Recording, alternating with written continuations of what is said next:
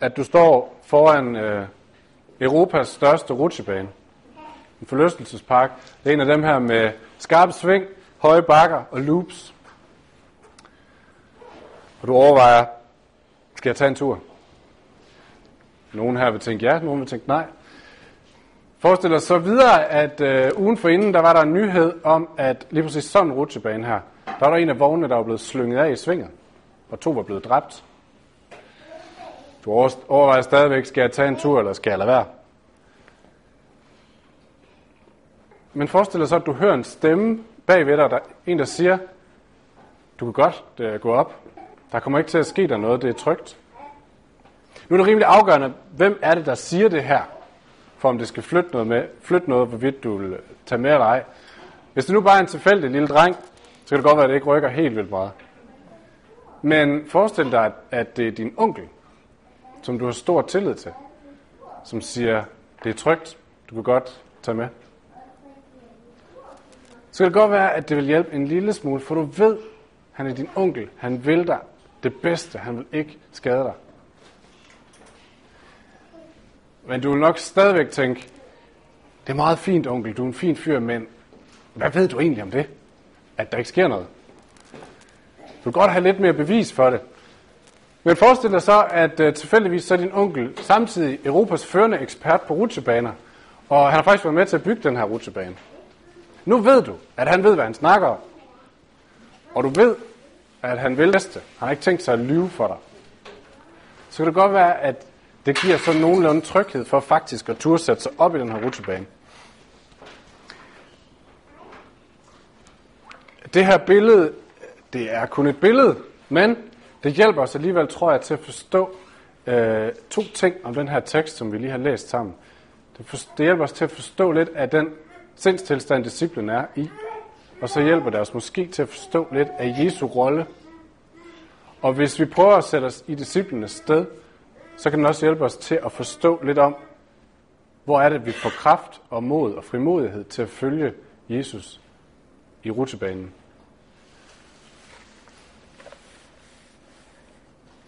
Den her tekst, lige før, dagens, øh, før den her tekst, så har Jesus stillet sine disciple foran den her kæmpe store rutsjebane. Der står det i teksten seks dage efter. Seks dage efter hvad?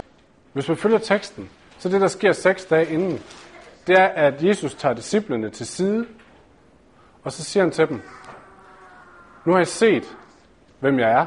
I har set, hvad jeg gør. I har set, hvordan min, øh, mit liv det handler om og udbrede Guds rige og Guds kærlighed.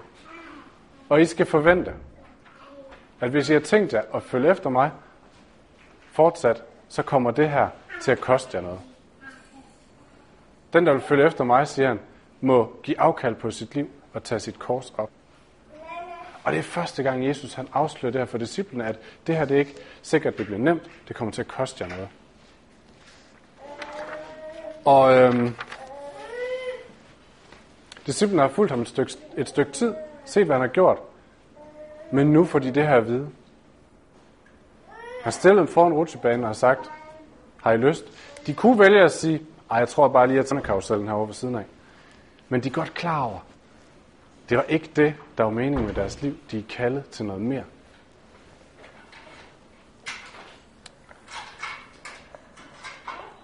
Jeg tror, at i de her seks dage, der er gået, jeg tror, at disciplene, de har været rystende bange jeg tror, de har virkelig overvejet det hele en gang til. Jeg tror, de har tænkt, okay, hvad kommer det til at betyde for mit job? Hvad kommer det til at betyde for min familie? Hvis Jesus virkelig siger, at hvis jeg bliver ved med at følge ham, så kommer det til at... Hvis jeg følger ham i at give mit liv i kærlighed for mennesker, ligesom Jesus har gjort, så kommer det til at betyde noget for min familie. Hvad kommer det til at betyde? Hvad kommer det til at betyde? Hvad vil folk tænke? Og vil jeg komme til at lide? Hvad betyder det? Er det trygt? Følger Jesus fra nu af. Jeg tror, de er rystende bange den dag, øh, de skal gå op af det bjerg, eller i de dage, der er gået derefter. Og uden at vi skal bruge en masse tid på det, så tror jeg godt, at øh, de fleste af os måske kan sætte os lidt ind i disciplenes rolle her. kender, mange af os tror, jeg, det her med at blive udfordret. Hvis Jesus virkelig mener det, han siger, hvis han virkelig udfordrer os til de ting, han gør, hvad kommer det til at koste mig i morgen, når jeg skal på arbejde? Hvad betyder det? Hvad er det så, der har fået disciplene til at fortsætte, så vi i dag har hørt om Jesus, så vi har en kirke? Hvad var det, Jesus gjorde? Øhm, ganske kort, så tror jeg, at teksten afslører to ting. For det første, så viser han dem, at de har hans fulde opmærksomhed. De går ikke alene. For det andet, så viser han dem, hvem han er.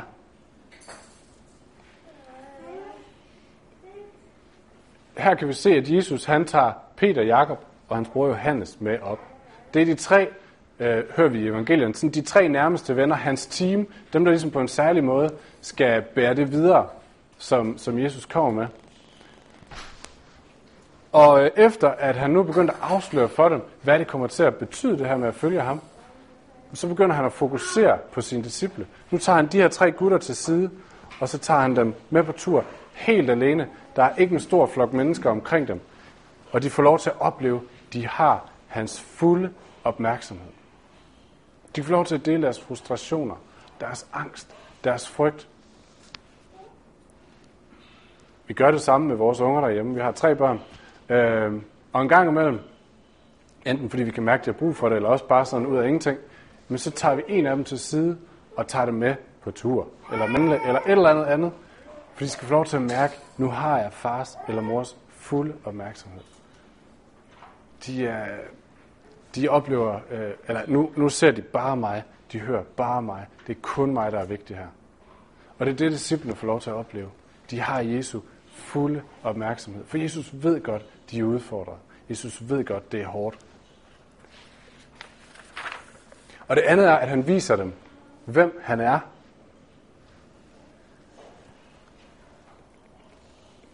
Jesus har kaldet dem til at begynde at leve på en anden måde, til at følge ham, følge hans eksempel, Del deres liv og deres, øh, alt hvad de var med mennesker, på en ny måde. Og så tror jeg, de har tænkt, det er meget fint, Jesus tænkte, du er en fin fyr, men hvem er du lige og kalder os til, til, til sådan noget vildt, til sådan en ny måde at leve på? Og der er det, Jesus tager dem med på bjerget, og så viser han sig sammen med Elias og Moses, to af Guds histories største skikkelser. Og så hører de Guds stemme, der taler over Jesus, der siger, det er min elskede søn ham her. De får lov til at komme ind i motorrummet, om bag ved scenetæppet, får lov til at komme ind i Guds evige plan for mennesker øh, og for jorden. Får lov til at det her, det var Jesus, mennesket Jesus. Nej, det her, det er skaberen, øh, historiens Gud, der er i ham her Jesus. Så når han siger noget, så når han siger noget om livet, så ved han virkelig, hvad han taler om. Peter, øh, disciplen Peter, han nævner det selv senere. Han skriver et brev senere i det nye testamente, og hvor han ligesom skal forsvare det budskab, han kommer med. Så siger han, øh, skriver sådan her, for det var ikke udspekuleret, vi byggede på, da vi forkyndte jer, hvor Herre Jesu Kristi magt og hans komme. Men vi havde med egne øjne set Jesu majestæt. Det var ikke bare nogle historier. Det var ikke bare en tilfældig mand, der havde sagt et eller andet om, hvordan livet var godt, eller hvordan tingene hang sammen. Nej, de havde fået lov til med deres egne øjne at se ind i motorrummet. Se, hvem Jesus virkelig var. Så disciplene, som har fået et får lov til at se, at hvis de virkelig vil følge Jesus, jamen så er det også udfordrende. Det, der får dem til at gå videre, det er, at det er himlens og jordens skaber, som kalder dem. Og ikke nok med det, så har de den Gud, den konges fulde, udelte opmærksomhed på hver eneste skridt, de går. Og det overdøvede den frygt, som ellers, øh, som ellers var i deres hoved. Og der er en pointe i det her, som jeg faktisk oplever taler, øh, taler virkelig stærkt. Det taler stærkt til mig. Jeg oplever, det taler til os øh, som menighed, dem her, der er vant til at komme her i menigheden, siger noget vigtigt til os. Og det er det her, at Jesus han går ikke direkte fra at øh, præsentere for dem, hvad det betyder at følge ham, og så til at smide dem derud, til at sende dem ud. Nej, han siger, I skal ikke bare begynde i dalen, og han begynder med at invitere dem med på bjerget. Så når Jesus udfordrer dem, så inviterer han dem samtidig tæt på til at se, hvem han er, til at begynde deres liv i, hvem han er, hans løfter, og at de har hans uddelte opmærksomhed. Og jeg tror lige præcis, at den pointe er afgørende vigtig. At vi ikke går fra at høre, okay, Gud kalder mig til noget, kalder mig til at begynde at følge ham i livet. Gud kalder mig til at tro på ham, og så til at prøve at begynde selv.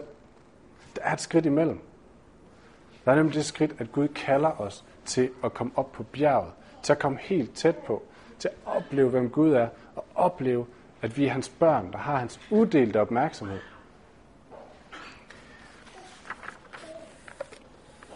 Jeg tror, det her det gælder for, øh, for faser i vores liv.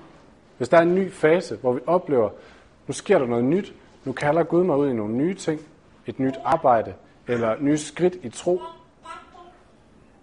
skal vi huske, at der er en tid til, at Gud først kalder os til at komme ind til ham, høre, hvor, hvad vi bygger vores liv på, hvem han er. Men jeg tror også, det her, det gælder for hver eneste dag i vores liv. Hver eneste dag må på en eller anden måde begynde på bjerget, hvis vi skal kunne følge ham. I hver eneste dag så er vi kaldet til at leve et liv, som afspejler Guds kærlighed. Jeg ved ikke, om I kan mærke det, men det er jo for mig en kæmpe stor udfordring. At jeg hver eneste dag er kaldet til at afspejle den evige Guds kærlighed i mit liv. En kæmpe udfordring. Og jeg kan straks se alle de måder, hvordan, åh oh, nej, det, øh, det overgør jeg ikke, eller det, det er bare for svært, der er for meget i mig selv, der ikke har lyst til det. Jeg, trus, eller jeg udfordres hver eneste dag til bare at tage børnekarusellen i stedet for, selvom jeg godt ved, det er jo ikke det, Gud kalder mig til. Det, det her det handler ikke om, det handler ikke om frelse og fortabelse. At vi hver eneste dag står for at vælge, om vi vil følge Gud. Fordi vi er i Guds pagt. Vi er døbt til at tilhøre ham. Så, så det handler mere om, hvordan jeg vil, at den pagt, som jeg er kaldet ind i, skal få lov til at forme mit liv, få lov til at smitte af på mig. Og der udfordrer os hver eneste dag til at begynde at lade det forme mit liv, og ikke bare tage børnekarusellen. Men hvis jeg begynder nede i dalen, i min egen frygt og frustration, så sker der ingenting. Så tør jeg ikke, så kan jeg ikke, så vil jeg ikke. Den øh, tyske øh, teolog Dietrich Bonhoeffer, som blev slået ihjel af nazisterne under krigen for sin tro, han siger det sådan her, noget i retning af, at vi risikerer at begynde hver eneste dag med at fylde vores hoved med de bekymringer og de krav og de udfordringer, som ligger foran os i dagen. Og det kan jeg godt genkende. Og så, så begynder jeg dagen med et, et underskud, og jeg kan ikke begynde i hvert fald at lade Guds kærlighed forme mit liv, fordi jeg har så mange andre ting, jeg skal leve op til. Og han siger, at sådan behøver det ikke at være. Fordi Gud er, står over dagen, for han har skabt dagen.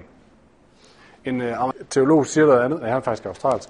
Han siger, hvis ikke Jesus får lov til at gøre dig til sin disciple, så skal kulturen nok sørge for at gøre dig til sin. Så skal dagen, bekymringerne, kravene, forventningerne nok gøre, gøre, gøre, sig, gøre dig til deres disciple. Og det kender jeg virkelig fra mit eget liv. Så hvad er det andet? Men det er at begynde dagen på bjerget. Det er at begynde dagen, der hvor vi hører noget andet end dagens bekymringer sagt over vores liv. Det er at begynde dagen, der hvor vi hører, ham, der har skabt livet, fortæller os, hvad er livet? Begynd dagen med at høre, du har hans fulde opmærksomhed. Du er ikke alene. Jeg blev mindet om det faktisk igen i morges, da jeg sad og læste øh, Salmons bog, salme 90, hvor der står, at med, Gud med os hver morgen med din godhed, så vi kan juble og glæde os i livet. Jeg, jeg fik straks et billede af min far, som da jeg var barn, hver eneste morgen stod op og lavede morgenmad. Så når jeg kom op om morgenen, øh, stadigvæk træt, så stod der morgenmad, som jeg kunne begynde min dag med. Det stod klart, jeg kunne bare spise, og så var jeg midt til at begynde dagen. Og jeg så for mig, hvordan Gud hver eneste morgen dækker et bord for mig med sin godhed. Han mætte mig med sine løfter, med sin godhed, med sin, øh, sit nærvær, og sige, det er det her, du skal være med dig hele dagen. Lad være med at mætte dig med bekymringerne. Lad være med at mætte dig med udfordringerne, kravene, forventningerne. Det er ikke det, du skal leve af, for det kommer til at forme dit liv i en negativ retning. Men jeg inviterer dig til at komme og blive mættet af min godhed hver eneste dag, og lad, lad det være det, der former dit liv, hvordan du ser på dig selv og dit liv. Det er ikke et krav, men det er en invitation. Kom med op på bjerget om dit liv. Og jeg tror, det er afgørende vigtigt, for jeg tror, det er den eneste måde, vi kan følge Jesus, og ikke føle det som et kæmpe krav, som en kæmpe byrde, som en kæmpe udfordring. Hvis vi lader os fylde af hans godhed hver eneste dag. Og nu vil vi, øh, nu vil vi forsøge at gøre det sammen. Øhm, der er en gammel måde, som de gamle opfordrer os til, og som jeg selv har fundet stor velsignelse i, som kaldes Lectio Divina. Nogle af jer kender det sikkert. Men det er en meget simpel måde, hvordan at mit liv, min dag, min bøn ikke begynder i, åh, oh, hvor synes jeg, eller ikke begynder i mine egne forventninger, mine egne krav, men det begynder i Guds løfter. Uh, Lectio Divina betyder guddommelig læsning. Det betyder, at man læser et stykke i Bibelen med en forventning om, at Gud har tænkt sig at tale til mig. Gud han vil mætte mig med sin godhed. Han har noget, han vil sige til mig. Og det er struktureret. Det er, der er et øh, lille billede af det på de der sædler, som ligger på jeres stol. Det er delt i fire dele. Man begynder med en lecture, som betyder læs. Læs langsomt med en forventning om, at Gud vil mætte dig med sin godhed. Så mediterer man. Stopper ved den ene sætning, det ene ord, den ene tanke, som dukkede op. Og så bliver man bare ved med at gentage. For mig i morges, der var det den her, mæt mig med din godhed. Og jeg fik et billede. Jeg blev bare ved med at blive det her, mæt mig med din godhed, så jeg kan juble og glædes hele livet. Fik billeder af min far, der dækkede morgenmad. Blev lidt i det billede, og kunne ligesom se, hvordan Gud dækker bord for mig. Jeg blev meditere over, hvordan er det her, det ser ud? Hvad betyder det? Øh, det er ikke tung øh, teologisk læsning, hvor man øh, søger efter, hvad er den oprindelige mening. Men man prøver bare at blive, hvad minder Gud mig om? Så går til oratio, som betyder noget med at tale. Du simpelthen fortsætter i en bøn til Gud. En bøn, som er formet af det, man har læst. Og hvis det er mæt mig med din godhed, jamen, Gud, jeg tænker også på min familie. Mæt dem med din godhed. Lad det være det, som får lov til at farve dagen for dem i dag. Og de bekymringer, hvad ved jeg, man har, det bliver ligesom formet af det ord, Gud har sagt, i stedet for min egen frustration. Og contemplatio, det er så sådan en, en videre stillhed, øh, hvor man bare er sammen med Gud. Nogle dage lykkes det, nogle dage gør det ikke. Og nu vil vi prøve at gøre det. Jeg håber, I er frisk. Øh, vi gør det på den her måde, at øh, den lille tekst, som ligger på jeres stol, bliver læst op to gange ganske langsomt. Mærk efter, er der et ord, en sætning, emne, som Gud på en særlig måde minder dig om. Forvent, at han vil sige noget til dig. Fordi Gud taler. Han har lovet, at han vil tale til os. Gud taler til os.